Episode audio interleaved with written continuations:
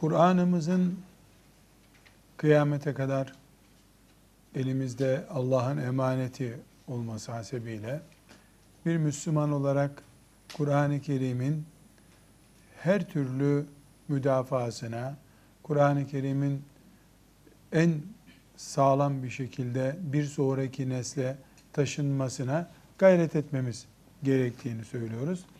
Bu esnada Kur'an-ı Kerim nurunu söndürmek isteyen şeytan ve şeytanın maşası durumundaki kitleler kıyamete kadar ellerinden geldikçe hile muhakkak üreteceklerdir dedik. Müşrikler kaba kuvvet kullanıyorlardı.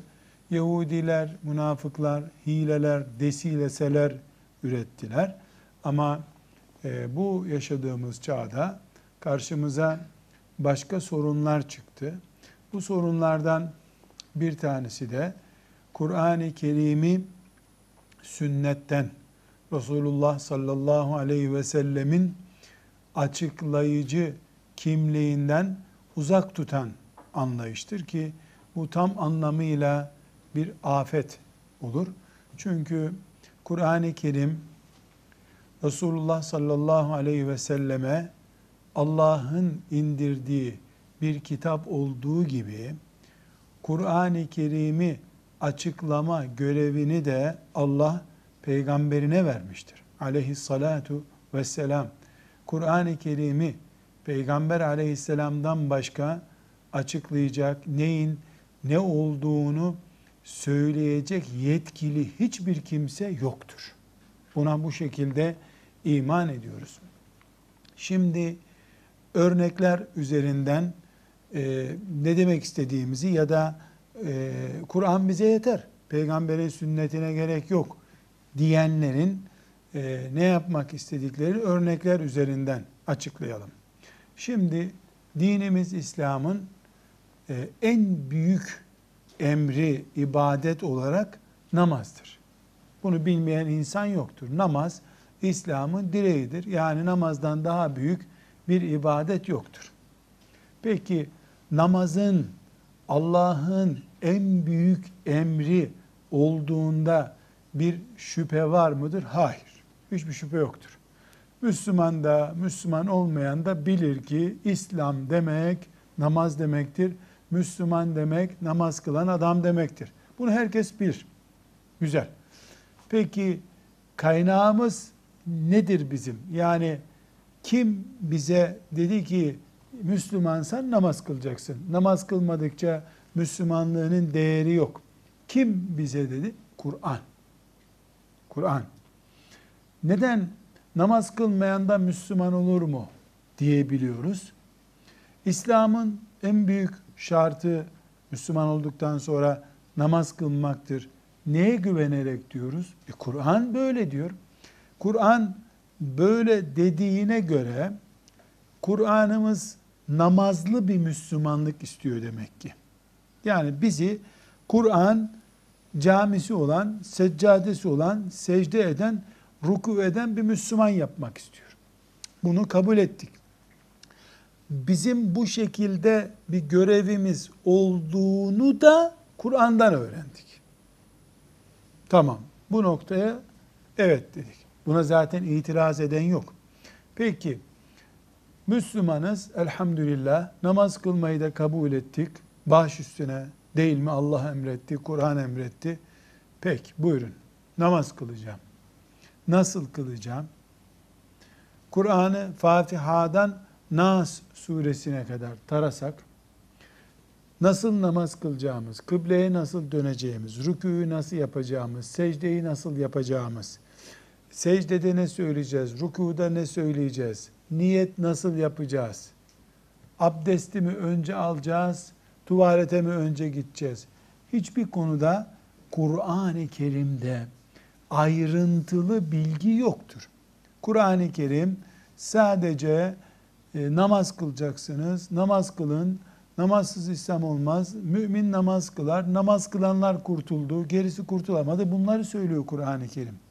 Kur'an-ı Kerim'de belki yüz yerde namaz ve namaza işaret geçiyor. Ya namaz anlatılıyor ya secde anlatılıyor ya ruku anlatılıyor ya da Kur'an anlatıyor. Yani namaz Kur'an-ı Kerim'de yaklaşık olarak yüz yerde geçiyor.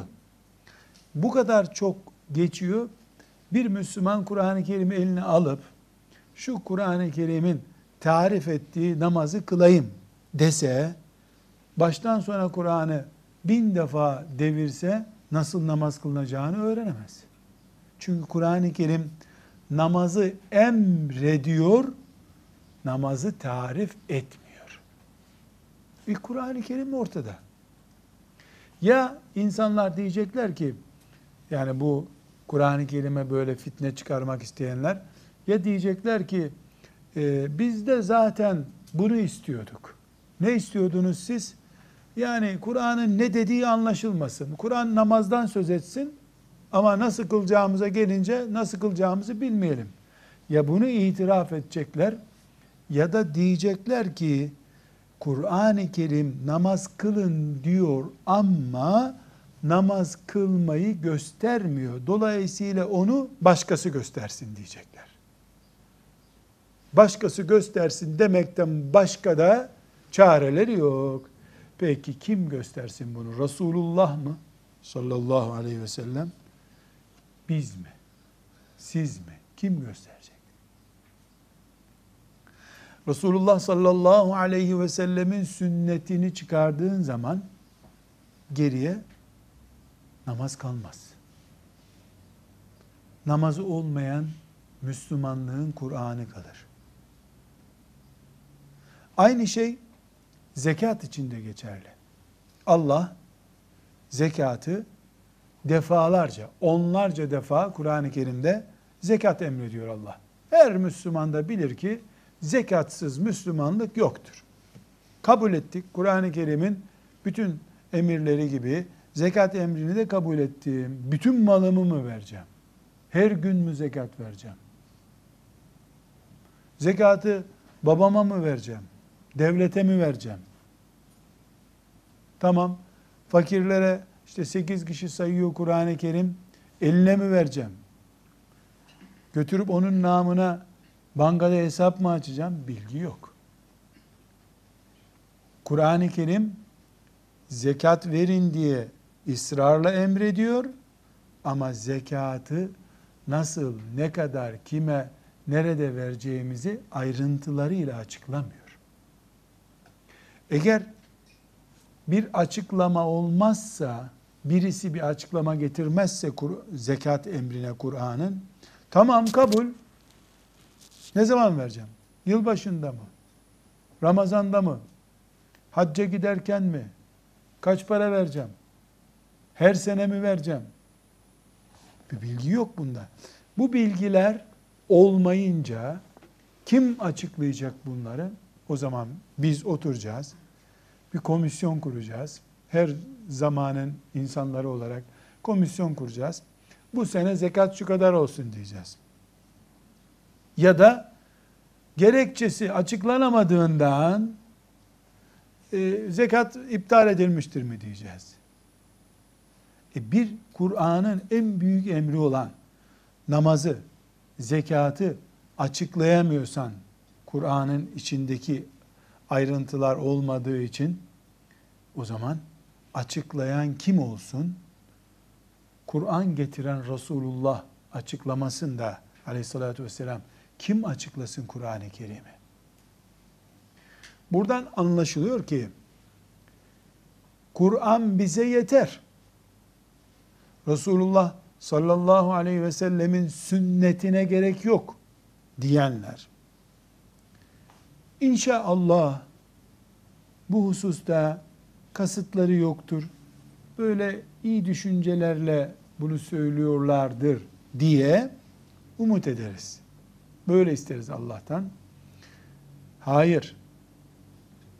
Plan, planlı, düşünülmüş, konuşulmuş bir şey olarak bunu söylüyorlarsa Allah muhafaza buyursun. O zaman bunu İslam'ı içinden çökertmek, bu çökertmeyi de Kur'an'la yapmak diye yorumlarız. Yani bir insanın Kur'an yeter, hadise gerek yok, sünnete gerek yok diye gösterdiği tavır iyi niyetli bu fikrin nereye götüreceğini bilmediğindense Allah gafurur rahimdir deriz. Ama şuurlu, bilinçli bir şekilde söylüyorsa sen İslam'ı Kur'an'ı balta olarak kullanıp doğramak istiyorsun demektir. Namazım yok, orucum yok. Hatta ve hatta haccın bile genel ayrıntıları yoktur. Arafat vardır sadece. E, kurban kesmek vardır. Hac nasıl yapacağım? Ramazanda sahur ne zaman, iftar ne zaman? Bu yok Kur'an-ı Kerim'de. E, nasıl İslam yaşayacağız ki biz? Yani Resulullah sallallahu aleyhi ve sellemin sünnetinin olmaması demek, İslam'ın uçuk, uzayda yazılı bir levha gibi kalması demektir. Resulullah sallallahu aleyhi ve sellemin sünnetinin, hadislerinin varlığı Kur'an için bir leke değildir. Kur'an, Kur'an'ımız hadisi şeriflerle beraber olduğunda insanlar Kur'an-ı Kerim'i daha rahat anlarlar. Kur'an-ı Kerim'den ne öğreneceklerini, ne yapacaklarını alırlar. Kaldırdığımız zaman sünneti, Resulullah sallallahu aleyhi ve sellem Efendimizin hadisi şeriflerini kaldırdığımız zaman Kur'an kimsenin ne yapacağını anlayamadığı, bizi nereye götüreceği belli olmayan bir yola sokan kitap haline gelir. Böylece netice ne olur biliyor musunuz? Şimdi birisi çıkıp dese ki namaz kılmak dua etmek demektir. Namaz kılmak demek dua etmek demektir. Günde beş defa herkes duasını yapsın dese sen ne diyorsun kardeş? Resulullah sallallahu aleyhi ve sellem ben nasıl namaz kılıyorsam bana bakın öyle namaz kılın buyuruyor. Bak sabah namazını böyle kılmış. Öğleyi böyle kılmış. Yatsıyı böyle kılmış deyip itiraz ediyoruz. Böylece kimse dinimize namazından orucuna kadar bir ilave yapamıyor. Eksiltme yapamıyor. Gündüz kimse orucunu yiyemiyor. Neden? Çünkü gündüz oruç yiyene Peygamber aleyhisselamın açıklaması var. Bu oruç olmadı diye. Şu saatten şu saate kadar yiyemezsin diye emretmiş. Peygamber aleyhisselamı devreden çıkardığımızda biri diyecek ki salı günleri elini kaldır yeter namaz sayılır. Öbürü diyecek ki nereye dönersen dön namazını kıl diyecek. Öbürü diyecek ki ruku yapmasan da olur. Hiçbir şey diyemeyeceksin. Neden?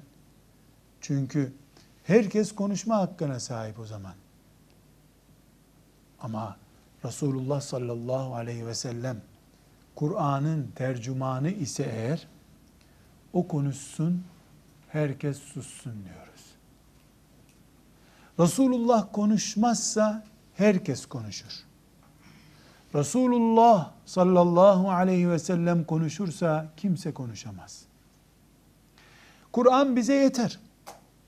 Sünnete gerek yok diyenler peygamber sussun biz konuşalım diyorlar.